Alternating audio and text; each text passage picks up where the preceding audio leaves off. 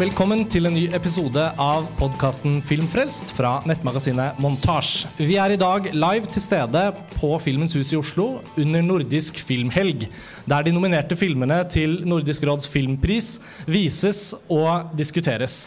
Og mitt navn er Karsten Meinick, jeg er redaktør for Montasj, og jeg sitter her sammen med min koredaktør Lars Ole Kristiansen. Hei, Karsten.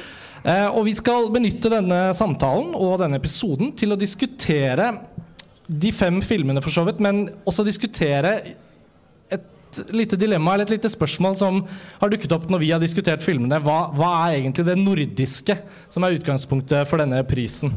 Ja, og i den følgende samtalen vi skal ha oss imellom, så kommer vi nok til å fokusere på Louder and Bombs. Men vi sneier innom de andre filmene òg. Og til slutt så skal vi prøve å komme med noen spådommer om eh, hvilken film vi kanskje tenker at kommer til å ta prisen med hjem. Men først, fordi at vi nettopp skal forsøke å identifisere dette spesifikt nordiske ved filmene som er nominert til Nordisk råds filmpris, så er det egentlig greit å, å lese opp et uh, sitat uh, fra Retningslinjene på en måte til prisen. Uh, for både til lytterne våre og til dere her i dag, så er jo Nordisk råds filmpris på sett og vis en pris man har begynt å høre en del om. Den kommer og går hvert år. Eh, samtidig så har den ikke så lang bakhistorie, og det virker av og til, i hvert fall når vi diskuterer det, så virker det litt ullent hva som er eh, beslutningsgrunnlaget til juryen. Men det fins jo faktisk en slags, uh, hva skal vi si, en ja, en retningslinje for hvordan prisen skal bestemmes. Har du lyst til å lese opp den, Lars Ole? Jeg tenkte at jeg skulle tilby meg å gjøre det. Det heter som følger Prisen skal gå til en langfilm som er forankret i den nordiske kulturen, har høy kunstnerisk verdi, har utmerket seg gjennom artistisk originalitet, samt fremstår som et helstøpt verk. Det er også et pluss at filmen er nyskapende innenfor filmsjangeren når de nominerte filmene sammenlignes. Filmer skal helst benytte ett av de nordiske språkene for å kunne bli nominert til filmprisen. Ja. Og en av de tingene som satte i gang samtaler hos oss, var jo at Louder Than Bomb, som er den norske kandidaten til årets pris, eh, i sin helhet foregår i USA. Eh, dette er jo Joachim Triers tredje spillefilm, og de fleste her i Norge kjenner vel til at filmen foregår i USA, men også for juryen så må jeg jo tenke at det har blitt en utfordring i seg selv, eh, i og med at en av statuttene eller en av retningslinjene indikerer at det er en fordel eh, dersom filmen foregår på et av de nordiske språkene. Så det er jo en utfordring når også filmen er eh, også fra oss subjektivt så er jo det en film vi setter veldig stor pris på. Mm. Eh, så man snakker jo om filmens kvaliteter først og fremst når man snakker om den. Men tror du dette med at den er på amerikansk vil, eh, eller på engelsk vil eh, komme i veien for dens muligheter? Og, og hva er det med filmen som kan være Nordisk, det var vel der vi begynte å diskutere også. Ja, altså jeg er litt usikker. Jeg tenker at Vi kan jo først forsøke å identifisere hva som eventuelt er det, nordisk, det, det distinkt nordiske ved hele denne bunten med filmer. Uh, og jeg tenker at uh, flere av filmene som er nominert, i alle fall 'Louder Than Bombs', uh, 'Småfugler' og 'Etterskjelv'. Mm, islandske og svenske filmer. Ja, de er jo alle litt sånn tenkende filmer. Altså, de har en sånn kontemplativ toneleie. Eh, de er, kan sies å være eksistensielle dramaer som har et veldig sånn innovervendt blikk. De tar oss med på innsiden av en, et miljø, på innsiden av en rollefigur, på innsiden av en familie.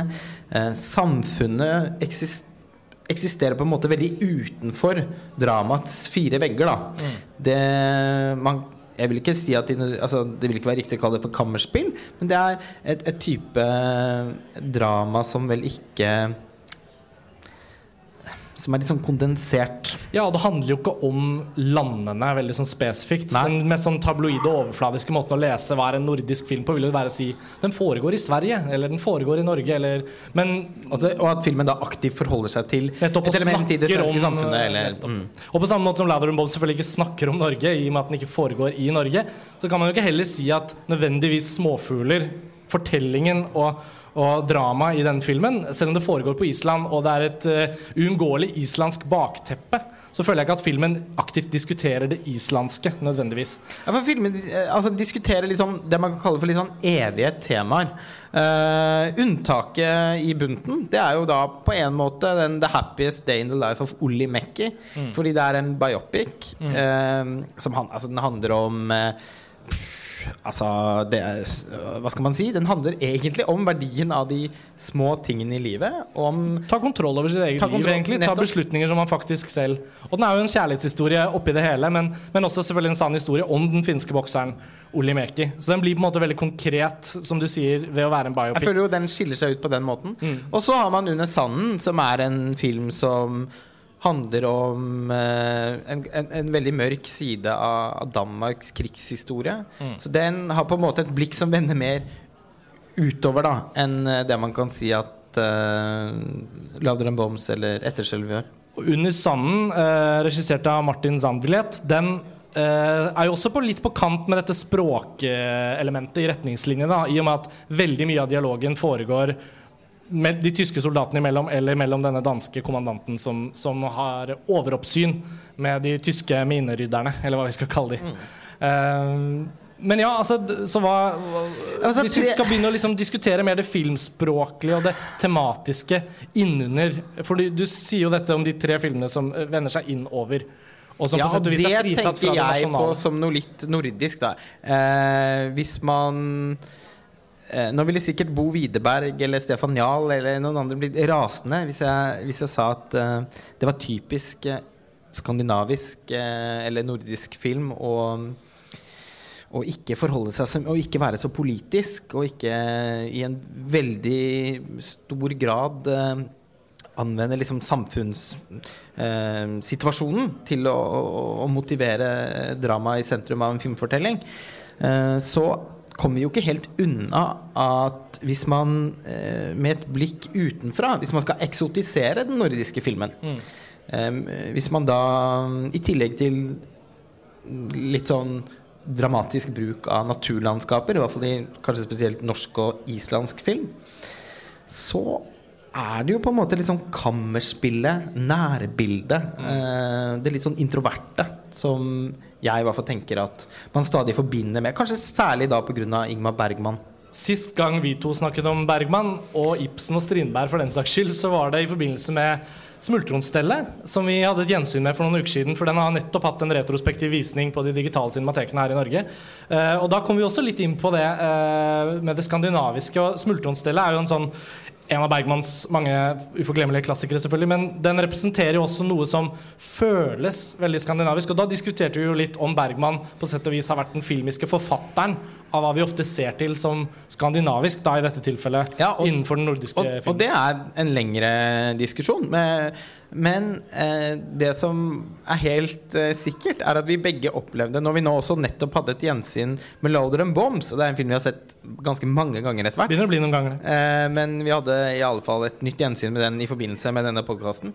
Og eh, da oppsto det en slags eh, veldig, egentlig sånn overraskende kobling mellom de to. Fordi man kan si at på hver sin nokså vidt forskjellig måte så, så, handler jo begge filmene om å se tilbake. Altså stå, det å stå utenfor en hendelse som har funnet sted, og se tilbake på den uh, med et, kanskje et annet blikk, uh, med en større med, Kanskje i større grad med et overblikk og avstand. Uh, det å, og det at minner og drøm glir litt sånn over i hverandre. Mm. Det er noe jeg forbinder veldig med smultronceller, og som man også ser flere eksempler på i Laudran Bombs. Ja, er, særlig i smultronceller så er det jo akkurat som i Persona på sin måte, men på en annen måte, er det jo noen av de ikoniske bildene fra Bergmans filmografi som man forbinder veldig med et filmisk grep. Uh, F.eks. i Smultronstellet med drømmen og, og minnene hans som, som, veves over i hverandre. Og Dette er jo også noe Joachim Trier er veldig opptatt av i alle sine filmer. på sett og vis. Litt forskjellige måter å være opptatt på. Han tar det jo også lengre i en mer sånn modernistisk retning ved også å ha forestilte drømmer og forestilte assosiative tråder som ikke nødvendigvis er objektivt sanne der og da, eller at vi får se forskjellige alternative handlingstråder. Han interesserer seg jo for hukommelse på en litt annen måte enn det Bergman gjør i 'Smultronstellet'. Uh, Altså, og da tenker jeg også på de to forrige spillefilmene til Trier. Altså reprise av Oslo 31. august. Eh, I reprise for eksempel, så er det jo flere scener hvor hovedpersonen ombestemmer seg for hva som har funnet sted, eh, og hva som ikke har funnet sted. Altså, jeg møtte han i Paris. Det var på gaten. Nei, forresten, det var i Luxembourghagen. Eh, anslaget, I anslaget til Oslo 31. august er det mange personer på lydsporet som minnes eh, ulike situasjoner Altså sånn Ting ved Oslo. Ting ved Oslo. Jeg husker, jeg husker hoppet fra tieren. det- det- det. Ja, så hun kommer Altså tid På en måte sånn tidens plastisitet eh, og, og hvordan man kan dra i tiden, og hvordan tiden endrer seg. Eh, og, og hvordan den inntar ulike former hos forskjellige mennesker. Jo, det er jo et gjennomgangsmotiv i alle spillefilmene til Joachim Trier. Og det kan jeg i hvert fall liksom driste meg til å tenke på som noe eh, som om, om det ikke direkte springer ut av at han er en skandinavisk eller nordisk filmskaper, så kan det i hvert fall sies å kunne knyttes an til eh, mønstre i skandinavisk film. Da. Og du var jo inne- film. Men du var jo inne på dette med nær, bruken av nærbilder også, som selvfølgelig er et så generelt filmisk virkemiddel at man kan ikke tilskrive det Norden eh, alene. Men la oss uansett leke litt med, med tanken om å, å bruke nærbildet som et, en identifikasjonsmarkør. da. Da er jo i hvert fall Louder Than Bombs en av de mest kjente scenene i filmen, eller mest omsnakkede i ettertiden, har jo vært dette enormt lange eh, nærbildet av Isabelle Huppert. Til de som har sett filmen, så husker de det sikkert veldig godt. Ikke direkte knyttet til en spesifikk scene, akkurat der det ligger i filmen, så er det som om det nesten tilbys som en slags pause. Samtidig så har det skjedd så mye, det er så mye som er i gang hos oss som tilskuere også, at når det nærbildet kommer, så har vi så mye vi kan lese inn i Isabelle Hupperts ansikt. Eh, og bruken av dette nærbildet vekker jo umiddelbart til live andre minneverdige nærbilder i den nordiske filmhistorien, helt tilbake til Dreyer og hans fantastiske stumfilm Jeanne d'Arc, eh, f.eks. Ja, og, og hvis man da skal finne et regissør- og fotografpar, eller to eh, fotograf- og regissørmakkere i hele film, filmhistorien, er det da noen som i liksom større grad forbindes med en nærbilde enn Ingmar Bergman og Sven Nyquist? Det tror jeg ikke. Jeg tror det er vanskelig å komme opp med et svar, i hvert fall med Ja. et knips. Så det er jo et eller annet med at i den, man, i den grad man skal forsøke å knytte filmen an til noe distinkt eh, nordisk, så er det i hvert fall lar det seg gjøre. Og eh, fordi at vi forut for denne podkasten selvfølgelig har snakket litt om eh, slags, hvordan vi tror filmene stiller. Vi har jo Vi kan jo ikke vi må jo være ærlige på det og si at vi har jo veldig lyst til at Joachim Trier skal vinne denne prisen. Eh, I likhet med mange andre så føler vi jo at det er på høy tid at eh, Og at når- filmen fortjener det jo i seg selv. Vi har sett alle filmene og diskutert dem ganske mye. Vi skal komme tilbake til det på slutten av episoden, men det er jo ikke noe tvil om at filmen i hvert fall står frem som en slags favoritt. Nei, og for oss eh, Altså, det er jo ulike meninger om Louder Bomb, sier jeg for seg, men for oss så står jo ikke den noe tilbake for noen av de andre altså, Det er jo ikke sikkert alle er enige om dette. Joachim. Trier har laget. Men eh, tilbake til denne retningslinjen om, om, det, om det nordiske språk. Altså en slags, det er jo ikke en, et absolutt fra juryens side om at det må være eh, filmer på de nordiske språkene. 'Antichrist' av Lars von Trier har jo vunnet prisen tidligere. Men det er vel også den eneste ikke Men det er jo ikke hvert år det vil komme en kandidat fra et av landene som ikke er på, Nei, det er på det språket. Så jeg er ikke sikkert det skjer så ofte. Men ok, 'Under sanden' er eh, litt på dansk, men for det meste ikke på dansk. Og 'Louder Bombs' er på engelsk. Eh, hvis man kan diskutere seg frem til at det nordiske også kan kjennetegnes gjennom filmspråklige grep og virkemidler og en viss estetikk, skulle man kunne foreslå at dette nordisk språk, eh, denne nødvendigheten i retningslinjene, kanskje kunne vært utelatt? Er den nødvendig som en regel for denne prisen, tror du? Nei, det syns jeg nok egentlig ikke. Eh, jeg, når filmer som ikke Altså som, som er engelskspråklige, blir nominert, så syns jeg jo bare den slags retningslinjen fremstår veldig vag. Men det er mye som er vagt ved retningslinjene til Nordisk filmpris i og for seg. Altså eh, Blant annet dette med at det er et pluss hvis filmen er nyskapende innenfor sjangeren den utspiller seg i. Ingen av disse filmene er jo sjangerfilmer. Eller sånn Det nærmeste man kommer, er vel eh, boksefilmen, som en sånn sub... eh, Ja, Som en sjanger. subsjanger eh, innenfor Ja, idretts... så kan man selvfølgelig si at eh, fuglehjerter er Eller, småfugler er en eh, er en coming of age-film. Men det er jo Ja, ikke typisk. er ikke typisk. Når man snakker om sjangerfilm, så er jo det noe ganske annet da enn Ja. Men eh, nå har vi jo snakket litt for lite kanskje om de andre filmene, hvordan de speiler seg i forhold til Louder and Bombs. Jeg syns, jeg syns jo f.eks. en film som 'Etterskjelv' eh, er, er, et annet tilfelle av eh, det åpenbart det innovervendte som du snakker om, men også en film som med, med et voldsomt alvor snakker om noe så allmenngyldig. Som, som, skrider liksom ut av bare å være noe nordisk. Litt sånn som 'Jakten', f.eks., eh, som vant eh, prisen for noen år siden. Eh, handlet om et moralsk dilemma og en, en form for sånn rettssaksaktig setting, eh, hvor man diskuterer spørsmål om tilgivelse, spørsmål om skyld, spørsmål om eh, eh, samvittighet. Eh, føler du at det er noen tematiske trender her som kan sies å være spesifikt nordisk, eller, eller blir det for alt Altså Blir det for gyldig for alle mulige filmer fra alle mulige steder til at man kan destillere det ned til å være noe nordisk? Jeg vet ikke. Jeg, jeg tenker at uh, Det som er helt sikkert, er at uh, det er ganske eklekt... Altså, når man ser på bunten med tidligere prisvinnere, så fremstår den ganske eklektisk. Uh, to år på rad har jo for Island tatt prisen med seg hjem. Ja. for henholdsvis som 'Hester og menn' og 'The Virgin Mountain'. Ja. ingen av dem filmer som gjorde særlig inntrykk på oss da de gikk på kino i Norge. Det var jo type, type filmer som jeg syns i hvert fall henfaller til en eksotifisering av Island. Som, som, i hvert fall i særlig grad den om hester og menn, da. Eh, som jeg begynner å bli ganske mett på. Det er jo ikke tilfellet for eh, småfugler, som er nominert i år. Så det er ikke meningen å stemple Island som noen sånn synder i denne sammenhengen. Men det har jo vært litt forbløffende at, eh, at de har tatt prisen to år på rad. Ja. Så jeg føler meg ganske sikker på at det ikke blir Island i år.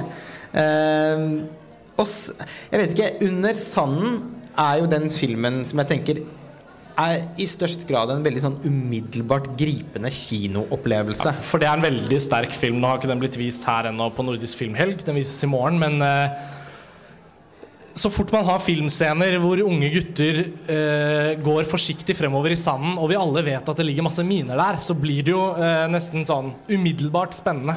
Men filmen lykkes jo også veldig godt i å bruke denne eh, som du sa innledningsvis, mørke siden av dansk krigshistorie. Altså at det inntreffer en form for slags sånn hevn mm. over eh, tross alt uskyldige, tyske, veldig unge tyske soldater som knapt har hatt noen rolle i det store tyske krigsmaskineriet tvinges til å være minehunder, nærmest, på en strand i Danmark. Og det er en sånn utrolig sånn ubehagelig følelse fra begynnelsen av der. Og det at vi blir så rørt underveis, og at man tvinges til å føle med to sider av en krig, da. Nesten sånn som Clint Eastwood gjorde gjennom sine to filmer 'Flags of Our Fathers' og 'Letters from Iwo Jima'. Det at vi får se to sider, og at vi klarer nesten ikke å bestemme oss for hvilken av disse sidene som er noe bedre enn den andre, og at det er krigens grusomhet i seg selv som er skylden i det hele, gjør jo at den blir i hvert fall en sånn hjertefilm for mange som ser den, tror jeg. Ja, og Det, det syns jeg er den ypperste kvaliteten ved filmen også. At den nettopp eh, at, den, at, den, handler om krigens grusomhet sånn helt uavhengig av hvor krigen kommer fra.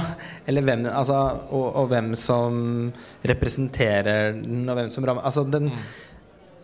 det, det, er noe med at i all sin For det, det er en ganske enkel film. Eh, men de lange scenene hvor disse tyske, unge, altfor unge tyske guttene eh, sleper seg bortover en strandlinje utstyrt med trepinner som de stikker ned i sanden for å så forsiktig som overhodet mulig identifisere en landmine, graver seg fram til landminen, og så forsøksvis detonerer den. Det by på så mye sånn suspens, rett og slett. da mm. Skapt utelukkende av uh, bruk av kamera og lyd. Ja.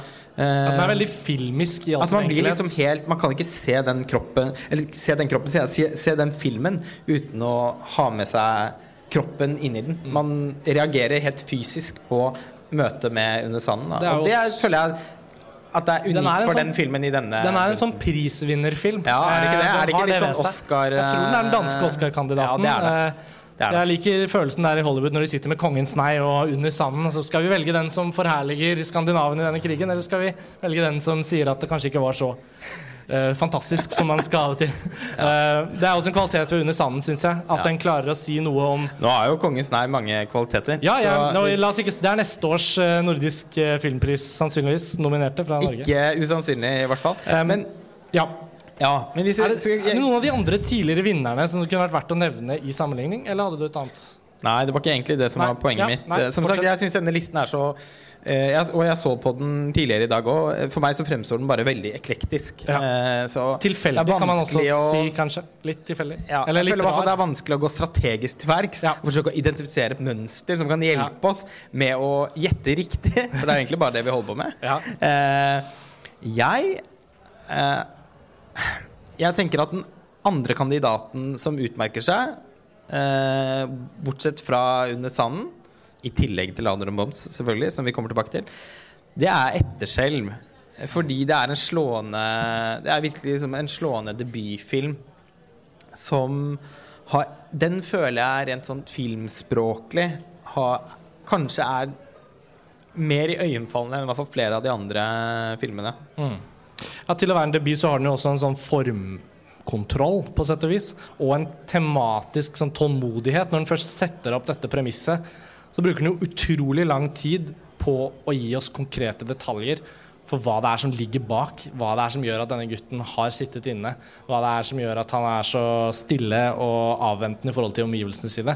Altså Den er sånn skikkelig slow burn. Altså, i eh, i- men også suspensfull, kan man si. Altså, i Ja, til men det ja, i likhet med Louder Bombs altså, I dette utvalget syns jeg det er de to filmene som, har- som har en tillit til at publikum eh, lever seg inn i, i filmens univers uten å vite for mye. Altså, den er jo veldig gnien etter selv på alt som heter eksposisjon. Altså, vi, må jo vi, vi må jo vente Er det 40 minutter eller noe før vi i det hele tatt egentlig skjønner hva filmen skal handle om? Men gjennom sine filmspråklige grep så får man en umiddelbar følelse av at noe står på spill likevel, selv om man ikke vet hva det er. Og, og filmens diskusjon om skyld og forsoning og hvorvidt man kan tilgi noe forferdelig, eh, er inter altså, den, den, er, den er umulig å ikke involvere seg i, fordi det er en type spørsmål som jeg tror angår egentlig alle mennesker. Selv om man ikke har vært utfor noen situasjoner som er så fryktelige som den i filmen, så er man så godt så, så leser vi så mye skrekkelig i avisene, og vi ser det på nyhetene, og vi ser andre fiksjoner om det, eller leser, selvfølgelig. Og det er i det hele tatt Alle er veldig tett på den type spørsmål. Hva om jeg hadde gjort noe så fryktelig? Ville jeg noen gang være i stand til å komme tilbake i samfunnet? Hva hvis jeg hadde kjent noen som gjorde noe utilgivelig? Hadde jeg vært en av de som kunne Ja, og- møte vedkommende Ja. i øyehøyde igjen? Og det du sier der tilbake til samfunnet, er jo også vil jeg si kanskje en måte den filmen blir veldig konkret nordisk på. Altså jeg føler jo at Konseptet om våre fengselssystemer blir alltid snakket om. Og det er ikke måte på hvor mange ganger vi stolt deler artikler fra amerikanske medier som skriver om de norske fengslene. Ikke alltid med stolthet, da. noen ganger kan det jo se veldig rart ut òg. Men i Etterskjelv så handler det jo også veldig mye om at det er et slags sånn tilrettelagt grep fra samfunnets side som skjer før filmen starter, men den følelsen av at han skal tilbake, og han returneres. Han er ikke klar over hvordan han skal håndtere det selv, og det virker ikke som om omgivelsene hans er helt klare for å tilgi han umiddelbart. Men det er som om samfunnet bare sier sånn Sånn, sånn, nå, ut og lev livet videre. Ikke tenk så mye på det du har gjort. Eller, og det syns jeg filmen klarer å snakke om uten å liksom bruke dialog og si det én til én med den største tydelighet. Men spørsmålet er om filmen blir for uh, kunstnerisk uh, selvsikker og på en måte kanskje i forhold til dialogen med publikum så kan den kanskje være for vag i de følelsesmessige scenene til at vi kanskje Ja, en, får den på en måte er det liksom også den mest introverte filmen, kanskje. Skuesp altså Hovedrollen er jo fantastisk godt castet, men han spiller jo også så mye innover at At man tenker kanskje filmen er inni han. Hvis man får komme inn der, så er det, det er der filmen også er. Ja, altså, det er jo ikke Som sagt, altså hadde, vi, hadde det vært eh, Oscar-prisen for eh, beste ikke-engelskspråklig film vi hadde diskutert her, så er det jo ikke noe tvil om at Under sanden hadde vært den hotteste kandidaten. Ja, Ved siden av The Happiest Day in Life for Ole Mekke. Ja, for man skal ikke undervurdere uh, folkets holdt jeg på å si, gleden over en god sånn sportshistorie. Uh, og så bryter jo den også litt med sjanger, da, på en eller annen merkelig måte. At når, når vi får hele denne oppbyggingen, altså, uten å spoile noe for de som ikke har sett den, men det er jo noe med at man forventer at den boksekampen, når den en gang kommer, skal ha noe sånn opphøyet over seg. Kanskje fordi man har sett mye boksehistorier på film. Eh, og så vrir jo eh, den finske regissøren Juho Kuosmannen Han vrir jo på den klassiske boksenarrativen. Altså Filmen er jo i sitt vesen antiklimaktisk. Mm. Eh, og Det er ikke alltid så Oscar-vennlig, det heller. Nei. nødvendigvis. Men det er jo en film som har Kanskje det er en nordisk filmpris. vært i en voldsom medvind, da siden den ble vist i Uncertain Regard i Cannes. Ja. Eh, vant jo hovedprisen der. Eh, har i det hele tatt fått eksepsjonelt god mottakelse internasjonalt. Og dette er sikkert også faktorer En del av prisen handler også om eh, å, å profilere nordisk filmproduksjon. Altså man skal fremme produksjonen av, av nordisk film og utvikle det nordiske filmmarkedet, heter det også i de retningslinjene. Så, så sånn sett så vil jeg tro at internasjonal anerkjennelse ikke er Altså det er nok et faktum Eller så, det er nok også et, en ting som tas med i betraktningen. da Ja, og Før de kom til Nordisk filmhelg, så har jo filmene hatt premiere på forskjellige arenaer. kan man si Altså Etterskjelv hadde premiere i Cannes. Louder Bombs, som vi husker, var jo Gullpalme-nominert eh, i hovedkonkurransen i Cannes. Eh, og Under sanden og Småfugler er jeg ikke helt sikker på hvor de hadde premiere, men det var i hvert fall ikke på de mest profilerte programmene i Cannes. Det må ha vært andre festivaler. Så, men vi, vi får se hva de legger mest vekt på. Nei, men altså, jeg tenker, den, uh, The Happiest Day in the Life of Olimeki, den Ja. lange tittelen, som den heter. det er liksom deilig å si.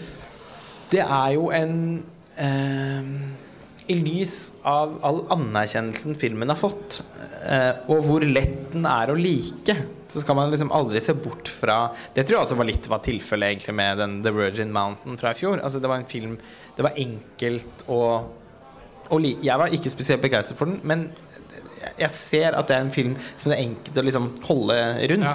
Så er hovedpersonen bokstavelig talt på en måte gi han en Ja. klem. Ja. Ikke sant? Det har man jo litt lyst til. Ja, for så vidt. Selv hvis man ikke filmen. liker filmen, så får man lyst til å gå bort til han etterpå. Man gjør jo det. Eh, og litt sånn er det i Olimek også. Altså, det, det er vanskelig å være sur på den filmen. Personlig må jeg bare si at jeg syns den var uinteressant. Uh, for meg så blir ikke den På tross av at den ikke har den type På tross av at den har en fortelling som til en viss grad skiller seg litt fra en del andre boksefilmer, og at den er skutt i sort-hvitt og er finsk, så syns jeg egentlig ikke den hadde så veldig mye spennende å komme med. Og jeg syns heller ikke Jeg syns faktisk ikke at den levde opp til det jeg føler at er det viktigste Hvis jeg skal Altså med boksefilmen da som en subsjanger. Den, jeg syns ikke helt at den var et gripende karakterportrett og en fortelling som jeg på, på samme måte som Raging Bull eller Million Dollar Baby Det er jo laget oppsiktsvekkende egentlig mange gode, sterke boksefilmer. Første Rocky-filmen. Jeg hadde et gjensyn med den eh, bare for et halvt år siden, og det var jo den var mye bedre som film uh, enn jeg husket. Så det er jo uh, en sjanger Jeg syns boksefilmen er også en sånn sportsfilmsjanger. Bare nå blir det litt sånn sidespor her. Ja, men det kan vi tillate Ja, men boksefilmen som en sjanger er også en av de forbløffende filmsjangerne hvor jeg føler man trenger ikke like sporten i det virkelige liv for å kunne like boksefilmer. Nei, Ofte er det jo egentlig litt sånn. Jeg føler liksom Nå er det ikke så mange turnfilmsjangere, men jeg tror hvis jeg skulle likt å se en turnfilm, så hjelper det at jeg liker å se på turn når det er sommer-OL. Det er en av de idrettene jeg syns er gøy å se på. Og da tenker jeg Hvis det hadde kommet en turnfilm, så ville jeg likt å se den mest fordi det var en film om turning. Mens en boksefilm føler jeg at ofte er en veldig god historie. På en eller annen grunn så har det det blitt sånn. sånn altså, jeg er Kanskje det er Raging Bull som bare har satt en sånn påle, og så er det sånn fordi den filmen er så fantastisk, så elsker man boks boksefilmer. Ja, nå kommer jo Rocky en del år Ja, Rocky før uh, Raging Bull. Men altså, jeg bare er et, Jeg bryr meg jo akkurat like lite om boksing som jeg gjør om Altså, jeg er ikke noe mer interessert i boksing. Ja, en orientering, f.eks. Men det er noe med I en boksefilm Det her er tilfredsstillelsen i å Eller det emosjonelle i å stå litt sånn nesten naken på en scene med mange folk Mm. som ser på og heier og brøler. At du skal slå noen andre, og du skal bli slått fysisk. Mørbanket. Altså Det er veldig filmisk. Og det er nok noe av suksessoppskriften tror jeg, til en del av disse boksefilmene. Denne filmen, som er nominert til Nordisk råds eh, filmpris, var for meg forbløffende liksom Den tok så avstand til det å være en boksefilm. i et forsøk tror jeg på å være noe litt annet. Men fordi- i en sånn grad at den for meg også forsvant litt som boksefilm. Jeg, altså, jeg sånn. Jeg savnet tre minutter film hvor vi skjønte hvor god han var til å bokse, f.eks. Så jeg tenkte sånn, bare litt mer av det. Men, eh, men ok, vi får spore oss tilbake igjen. Eh, Jeg vi kan heller ikke sammenligne med andre finske filmer i særlig grad fra det siste året. Så det må også sies at det er jo Vi ser dessverre ikke så veldig mye finsk film. Nei, men utenom nordisk filmhelg så er det jo et paradoks at det er vanskelig for enkeltstående eh, film, om det er bare filmkritikere eller publikum fra de forskjellige landene, å få en god oversikt over hva som foregår i alle de andre landene. Så det gjør jo også noe med eh, det å på en litt leken måte da, tippe hvem som vinner. Så føler jeg også at Noe av problemet vårt er jo at det er ikke lett å ha oversikt over alle filmer som eventuelt kunne ha vært nominert, hvis ikke dette er de beste filmene fra de forskjellige landene. Så vi, vi får ta det med i, um, som et sånn um, et postskript, for vi nærmer oss jo slutten. Det gjør vi. Jeg tror i hvert fall vi to kan være enige om at Louder Bombs var det klart beste norske valget. Det var det. Det var den åpenbare kandidaten. Og jeg må bare si at jeg har en følelse av at den vinner. Nå tror jeg at Du både vil det og, bare- tro, og tror det. Ja, har en liker- følelse. Det liker jeg. Du kombinerer jeg, argumentene. Jeg liker å eh, tro det jeg vil. Ja. Eh, og det er noe med at Det er en, en oppfatning, tror jeg, om at Om at Joachim Trier At det er underlig at han ikke har vunnet prisen før. Han har vært nominert de andre årene Ja. også, så, med alle filmene sine. Og ja, det fins liksom Det er noen litt mer avmålte Det eksisterer noen litt mer avmålte blikk på Louder and Bombs enn f.eks. Oslo 31. august. Men på tross av det så er det jo også litt sånn åpenbart, syns jeg, at Louder and Bombs har et ambisjonsnivå som er som hakket høyere enn for noen av disse andre filmene som er nominert. Særlig og den er interessant, og vi har jo også hatt gleden av å se noen av disse filmene flere ganger. 'Ladder Bombs er den eneste filmen vi har gått tilbake til fem-seks ganger, og man føler at hver gang man ser den, så er det noe nytt å hente der. Der spiller jo det norske inn. Eh, eh, vi kan ikke komme bort fra det. At det er en av de norske filmene, og at vi har måttet se den om og om igjen. Eller villet se den om og om igjen av flere årsaker. Men jeg føler også at den er i størst grad et verk. I den forstand at man snakker om filmkunsten, og ikke bare filmkulturen og blockbustere og popkorn og alt dette andre. Så føler jeg i hvert fall Nordisk filmpris er i hvert fall orientert inn mot filmene som kunstverk. Og Louder Bombs har et veldig høyt kunstnerisk ambisjonsnivå som gjør at den, den står i en litt annen klasse. Og så må det skytes inn at de britiske og tidvis de amerikanske kritikerne var nok de som var hardest med filmen i Cannes. Men hvis man ser på anmeldelsene da filmen hadde premiere i Sverige og Danmark på kino, for eksempel, så fikk Louder and Moms helt enormt god kritikk. Danskene er jo så glad i Joachim Trier nå at de prøver å tilrøve seg han og si at Joachim Trier egentlig er dansk. Han Eh, er dansk. ja, vi har et par danske filmkritikervenner som insisterer på det. Ja, det har vi. Så det får bli vårt stalltips. Um, noen avsluttende ord? Ja, altså eh, Det er jo Louder Bomb som skal vises her på Cinemateket nå om noen få minutter. Det er også grunnen til at vi avslutter. Til Ja. de som hører dette som podkast, så er det da altså et publikum her på Filmens Hus som er på vei inn for å se Louder Bombs. Jeg vil si at jeg leste en kronikk i, skrevet av redaksjonen i Rushprint i går, som jeg syns var veldig underlig. Eh, og Der skrev man at det var veldig viktig at Joachim Trier vant, denne, vant Nordisk råds filmpris. Men at det dessverre på en måte var litt leit at det kom til å bli for Louder and Bombs. Uh, og Han det burde, er- han burde ha vunnet for Oslo 31. ja, august. det er, ja, men jeg, synes, jeg er litt sånn uenig i det. Fordi hvis man ser tilbake på det året hvor Louder and Bombs var Eller hvor Oslo 31. august var nominert, så var det også ved siden av Melankolia til Lars von Trier. Altså, da, det, det var et sterkt år.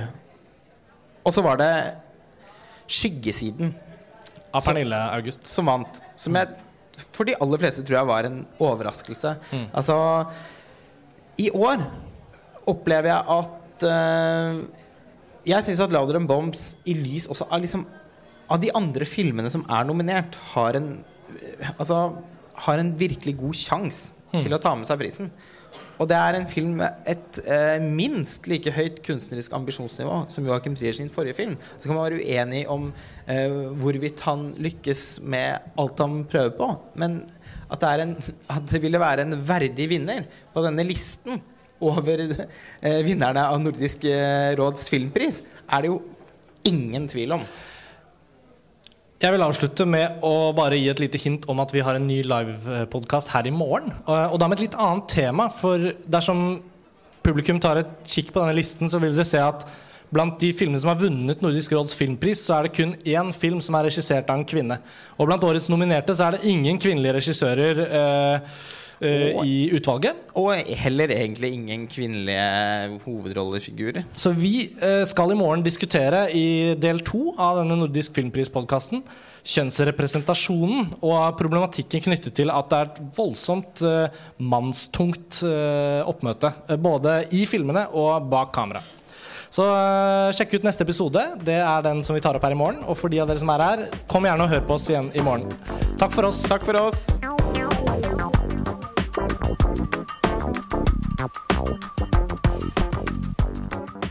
Vi er tilbake igjen i dag på Filmens Hus i Oslo til et live-opptak av en filmfrelst spesial om nordisk filmhelg. Mitt navn er Karsten Meinick, jeg er redaktør for Montasj, og jeg sitter her sammen med min kollega Lars Ole Kristiansen. Hei, Karsten. Eh, og hei til dere her på Filmens Hus, og hei til lytterne der hjemme. Eh, I denne biten så skal vi eh, konsentrere oss om en, en spesifikk observasjon, kan man si, som vi har gjort oss, og som sikkert mange andre har gjort oss seg også, om årets nominerte filmer. For vi bet oss merke i at eh, de fem filmene som er nominert til Nordisk råds filmpris 2016, alle er eh, regissert av menn. Det er jo dessverre ikke så uvanlig i eh, filmkulturen. Ta bare uh, Gullpalmen i Cannes, f.eks., som så sjelden, nesten aldri, har blitt delt ut til en kvinnelig regissør. Uh, men også disse fem filmene som er nominert til Nordisk råds filmpris, har også i overveldende grad mannlige hovedpersoner eh, og et veldig sånn mannlig blikk. Så etter at vi liksom bet oss merke det, så tenkte vi det er et bra tema å diskutere litt. Eh, og Lars Ole, hvor skal vi begynne? Ja, hvor skal vi begynne? Eh, viktigheten av diversitet eh, i filmproduksjon. Det kan jo ikke sies å være et underkommunisert tema, men det skrives og snakkes mye om, også i Norge. Det som kanskje er litt leit, er at det ofte fremstår som en veldig sånn bransjeintern debatt. Eh, det kan selv om det selvfølgelig er viktig eh, å, å legge til rette for at eh, kvinnelige filmarbeidere får jobb, så er det kanskje ikke det perspektivet som er mest interessant for et større publikum. Egentlig så er det jo Det er jo publikum som taper på at det er lite mangfold blant de som lager film. At det er så få kvinnelige regissører. Eh, og det har med å gjøre at hvis filmen som kunstuttrykk skal, være, skal oppfylle sitt potensial, og være tilstrekkelig rikt, så er det helt avhengig av å ha forskjellige blikk. Og nå er det ikke sånn at kvinner, og- altså kvinner og, Det er mange likheter mellom kvinner og menn, vi er jo mennesker. Men det er også forskjeller. Og det er noe med hvis man alltid får de mannlige Altså fortellinger eh, av og om menn, så oppstår det en ubalanse som også fører til at fortellingene blir like hverandre. Og eh, opplevelsen av å gå på kino og se filmfortellinger får en mer sånn samlebåndaktig følelse. Så de som taper på at det er så få kvinner som lager film, og så og også må sies så få kvinnelige filmskapere som lager film som løftes fram i f.eks. filmfestivalen i Cannes eller hos Nordisk råds filmpris. Ja. Eh, det er en litt drepende statistikk eh, her. Ja, for Vi skal jo fokusere på årets utvalg, men vi må jo nevne da at vi har jo kikket på prisens historikk når det kommer til både nominerte og vinnere, og det er ganske deprimerende å se eh, ikke bare at det har vært veldig få nominerte filmer som har vært regissert av kvinner, men det er bare én film som har vunnet denne prisen som er regissert av en kvinne. Det var da 'Svinalengorna' av Pernille August, som vant i 2011, var det vel? Ja. Um, Og, og, er, og man biter seg merke i at det er en del filmer som, av kvinnelige filmskapere som jeg tror vi begge ble forbauset over å oppdage at ikke ble nominert. F.eks. Ja. 'Hevnen' av Susanne Bier, som vant Oscar og Golden Globe for beste ikke engelskspråklige film. Ble ikke ansett for å være god nok for Nordisk råd eh, filmpris. Ja, og hvis man tar et norsk perspektiv, så har en filmskaper som Margrethe Olin eksempel, aldri vært nominert til prisen. Og en film som uh, 'Gjenforeningen' av Anna Odell, en av de sterkeste svenske filmene jeg har sett de siste årene, var heller ikke nominert det året. Riktignok var det da Ruben Østlunds 'Turist', som også var en veldig sterk film, som ble nominert. Så det er jo det med at det bare er nominert én film fra hvert land hvert år. Som gjør at Nordisk filmpris har en litt sånn krøkkete måte å bli konstruert på. Dermed er det jo også en fare for at ting faller igjennom. Men det er et mønster her uansett som er problematisk. Og så er det noe et eller annet med måten prisen er organisert på, tror jeg, som gjør at eh, det er jo sånn at hvert land nominerer en film. Og så kommer det sammen representanter fra alle landene og diskuterer ve- hvem, av de fem filmene Eller hvilken av de fem filmene som skal vinne. Ja. Eh, Jeg tror man kunne, hadde gjort lurt i å eksempel, Hvis man hadde nominert tre eller fem filmer fra hvert land, og så hadde en samlet jury eh, kommet sammen og sett et mye større, Større antall utvalg, filmer, ja.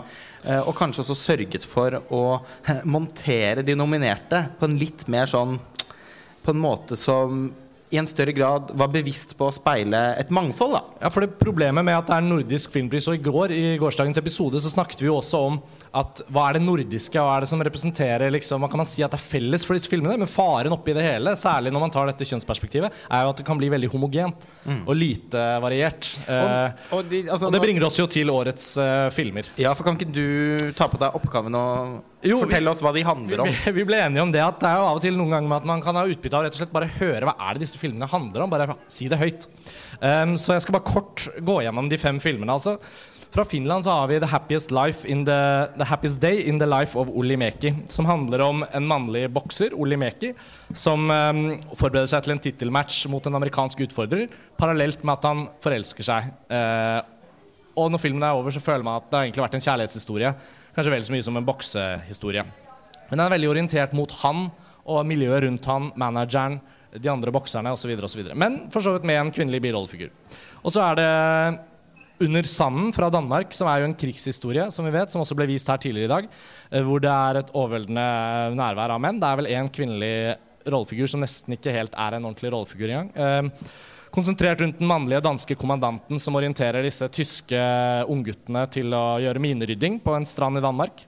Så har vi Etterskjelv fra Sverige, som handler om en ung gutt som har vært dømt for et eh, mord, og som kommer tilbake i samfunnet, inn på gården hos sin far, tilbake på skolen. Eh, og Der er det også kvinnelige biroller, men det er veldig orientert rundt denne hovedpersonens stemning og følelse av skyld og spørsmål om tilgivelse rundt han. Og et veldig sånn sterkt sånn far-sønn-portrett der inne også. Det skal vi komme tilbake til.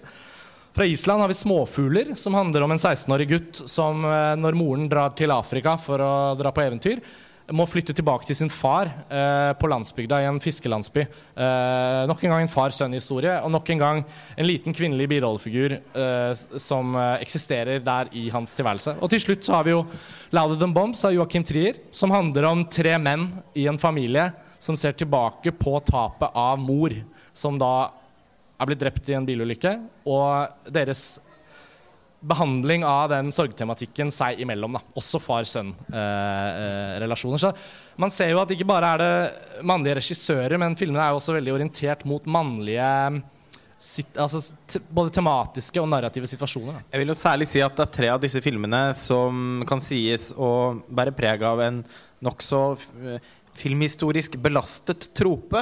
Eh, nemlig at eh, de kvinnelige rollefigurene er et slags eh, vedheng til den mannlige protagonisten. Og Da tenker jeg på 'Småfugler', 'Etterskjelv' og 'Olli Mekki'. Eh, I alle de filmene så så kan man jo, altså Særlig i, for et etterskjelv, da, eh, så vil jeg jo si at den kvinnelige altså jenta i filmen, som spiller en ganske bærende rolle, er en mye kulere og mye mer handlekraftig karakter enn eh, Enn en hovedpersonen, ja. Men likevel så er det som at hun er en del av fortellingen for å utvikle han. Uh, hun har ikke noen egen agenda der. Uh, og det er også tilfellet i 'Småfugler', f.eks. Ja. Hvor også en helt annen type, kanskje litt mindre interessant uh, kvinnefigur, syns jeg. Men hun er også veldig sånn til stede for, å, for at hoved, den gutten som er hovedpersonen, skal utvikle seg. Og i Olli Mekki er det akkurat på den samme måten. Ja, og for eksempel i, i den islandske filmen 'Småfugler' så får man jo også veldig følelsen av at de, i de første par scenene hvor han har kommet tilbake til farens fiskelandsby, og han møter denne barndomsvenninnen, så er det jo ikke som om Det er jo ikke noe sånn ut fra henne, Hvis man snur på det og liksom ser på hennes rolle der, hvordan hun er skildret, så er det ikke engang en form for Hei, er det deg? Eller, det er bare sånn selvsagt at hun er der og begynner å på en måte spille den narrative funksjonen sin i forhold til han, uten egentlig å ha noen form for, um, for rolleutvikling. Men så er det jo Louder Than Bombs, da. eh, som stiller en litt sånn annen klasse, kan man kanskje Altså, si, i is- denne Ja, fordi Isabel Hubert sin rollefigur er jo så vesentlig. Altså hun er jo Hun står jo egentlig i sentrum av fortellingen og filmen. Gjennom sitt fravær, på, på mange måter. Ja. Og hun er en veldig Altså jeg føler at de lykkes med å skape en veldig sammensatt og interessant rollefigur. Eh, men når det er sagt, og dette, altså dette er ikke skadelig for filmens altså kunstneriske ambisjon på noen som helst måte, men det må jo bare, ettersom dette er tema, så må det jo nevnes at hun er jo, sånn som hun fremstår i filmen, så er hun jo da formet av eh, minnet, eh, altså hukommelsen, og, og, og altså fra sine sønner og sin mann. Ja. Så den versjonen av henne som filmen presenterer til oss, er jo i veldig stor grad formet av tre menn. Ja. Og så kan man jo si hva, Vi ser denne uheldige trenden og gjør den til et tema for vår diskusjon, men selvfølgelig må jo hver av disse filmene få lov å eksistere som seg selv. Det er, ikke, det er jo ikke egentlig en kritikk av at filmene er som de er, men når man ser de som en gruppe av nominerte, og, og særlig hvis man bare ser på fjorårets nominerte, da, så var det jo også tilfellet at det var fem filmer regissert av menn. Riktignok så er 'Mot naturen' av Ole Giæver koregissert av Marte Wold, så der var jo Norge fremme med, med en halv på en måte regissør fra det motsatte kjønn. Men, men det må jo ligge et eller annet mønster bak her som peker frem til det vi ser eh, i år. Ja, altså det man kan si, er jo at eh, filmene som er nominert til Nordisk råds filmpris fra og med 2005 eh, til og med i dag, speiler jo en statistikk som vi alle er velkjent som vi alle kjenner veldig godt. Nemlig at det er, færre, det er langt færre kvinnelige filmarbeidere. Det er, Ja. det, lag, det er langt færre filmer som regisseres av kvinner Ja. enn menn. Og det er jo en statistikk som man arbeider med å endre på. Mm. Men uh, det er forstemmende å se at uh, det ikke Altså man kan ikke se noen positiv kurve da, i, i alle de årene denne prisen har eksistert. Og som du sa i stad, så er det jo bare én kvinne som faktisk har vunnet den. Ja. Som var da Pernilla August for 'Svinalengorna'. Ja, og hvis man der, dropp, og hvis man der dropper kjønnsperspektivet og bare tenker på hvilke andre filmer som var nominert, så har vi jo snakket mange, mye om at Oslo 31. august kanskje var favoritten den Ja. gangen. Og kanskje Eh. på en måte i hermetegn burde vunnet prisen. Men når man tar kjønnsperspektivet for å se på hva vi faktisk har, så er det i hvert fall gledelig å se at det er At det er En én film, vinner. som Men det har fått er, eh, men det er pussig å, å se hvordan og én ting er jo da filmer av kvinnelige filmskapere. At de er svært underrepresentert her. Men en annen ting er jo filme, filmfortellinger med interessante, handlekraftige kvinnelige rollefigurer. Ja. Eh, og her Jeg må si at jeg f.eks. var nokså forbauset over at menn som hater kvinner, ikke ble nominert. Ja, altså Lisbeth Salander, som var en så omdiskutert og eh, altså Noen mer omdiskutert kvinnelig rollefigur i skandinavisk fiksjon de siste ti årene tror jeg man skal lete ganske lenge etter. Ja, altså Også nå- en veldig anerkjent film. Ble nominert til BAFTA for beste ikke-engelskspråklig film.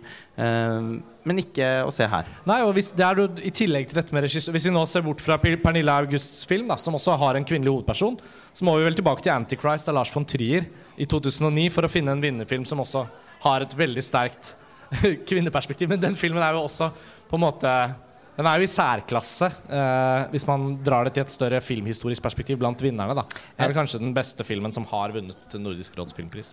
Ja, det er, er i hvert fall eh, min oppfatning. Og Lars von Trier er jo interessant fordi han lager jo altså, i, Også i denne sammenhengen. Fordi han er jo kjent for å lage filmer med ofte veldig problematiske, men, men også veldig interessante kvinnelige rollefigurer. Og eh, det er også verdt å bite seg merke i, og det ble jeg veldig forbauset over, eh, at 'Melankolia' ikke ble nominert. Ja, det- Eh, Da valgte danskene i sted Og det var, den er jo da fra samme nordisk filmsesong som eh, 'Hevnen til Susanne Bier'. Ja, så, Så- da var det to filmer som var ute? Altså En film av en kvinnelig regissør og en Ja. med en veldig interessant kvinnelig protagonist, som Ja. ble valgt bort til fordel for 'Sannheten om menn' av Nicolai Arcel. En av de danske filmene som har kommet og gått. Ja, altså En sånn type film som jeg føler på det går ganske på dusinet av. Ja. Litt sånn lett komedie om det å være mann. I, Men- ja. Hvis vi skal oppsummere litt, Nå begynner jo visningen her av etterskjelv hvert øyeblikk. Vi er liksom blitt skviset litt inn mellom en forsinket visning og en annen som skal være presis. Men det gjør jo ikke noe. Vi kan uansett begynne å oppsummere i hvert fall dette perspektivet, for vi kommer jo ikke til å løse problemet. Eh, som vi har sagt, vi har bitt oss merke i dette, men trenden kan nok dessverre spores helt tilbake til det faktum at det står dårlig til med kjønnsfordelingen mellom mannlige og kvinnelige regissører av spillefilm ikke bare i Norden, men rundt omkring i mange land. Eh, og Og så- kan man stille seg spørsmålet da Vil det være viktig for prisens eh, Hvis prisen skal oppleves som relevant, eh, er det da kanskje litt viktig at man At det er et at det, er, at, at det er en mindre grad av kjønnsblindhet eh, Ja. hos juryen. Jeg sier ikke at det er tilfellet, for det vet jeg ikke noe om. For jeg har Nei. ikke sittet der rundt bordet når de har diskutert. Men det som er et, et faktum som man ikke kommer seg utenom, er at en rekke år her så, det, så, så har man hatt filmer regissert av kvinner som har vært eh, kunstnerisk svært vellykkede og Helt veldig tungt anerkjente. Ja. Eh, Og så og, så li, og så velger man likevel en film regissert av en mann. Ved siden av fire andre filmer som også er regissert av menn. Ja. Hvorfor for eksempel kunne man ikke nominert Anna Odell istedenfor Ruben Østlund eh, i, i 2014? Det syns jeg er veldig merkelig. Vi får håpe at uh, dette er en trend som avtar, og at det på en eller annen måte oppstår en større grad av variasjon uh, på fremtidige Nordisk råds filmprisnominasjonslister.